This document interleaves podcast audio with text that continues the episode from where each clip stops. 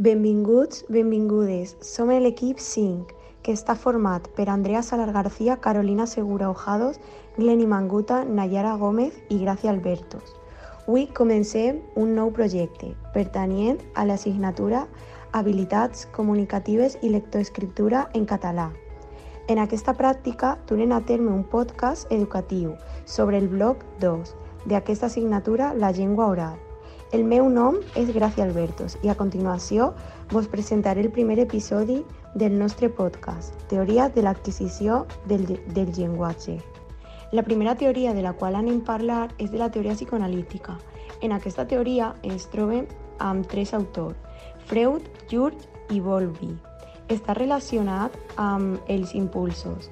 Estudia el comportament humà, conflictes emocionals la vida afectiva i com aquesta afecta el llenguatge i el nostre comportament.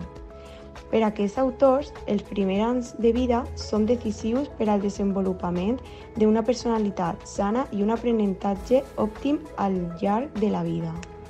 La segona teoria és la teoria conductista i tenim a Watson, Skinner i Bandura.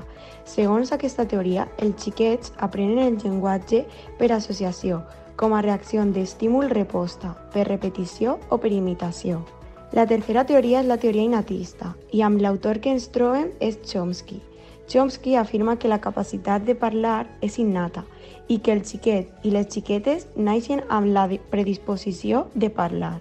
La quarta teoria és la teoria constructivista i destaquen dos autors, que són Piaget i Vygotsky. Jo vaig parlar de Piaget i després passarà a parlar la meva companya Nayara. Per a Piaget, el xiquet crea el seu propi aprenentatge, el qual es produeix per l'experiència del nen sobre l'ambient i el seu entorn. Per a portar a cabo l'aprenentatge, primer es coneix la representació mental de l'objecte i després la paraula.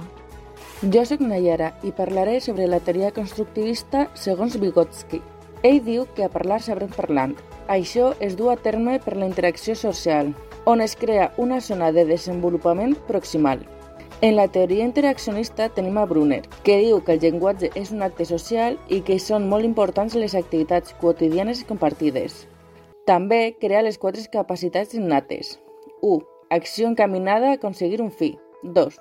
Adaptació a actuar en àmbits reduïts. 3. Alt grau de sistematització de les accions. I 4. Capacitat d'abstracció per afrontar-se a altres contextos d'espai, temps i casualitat. Per últim, en la teoria connexionista, els teòrics proposen l'analogia del cervell humà, basada en un processament en paral·lel. Així, el coneixement s'emmagatzemaria en les neurones. I fins així el podcast d'avui.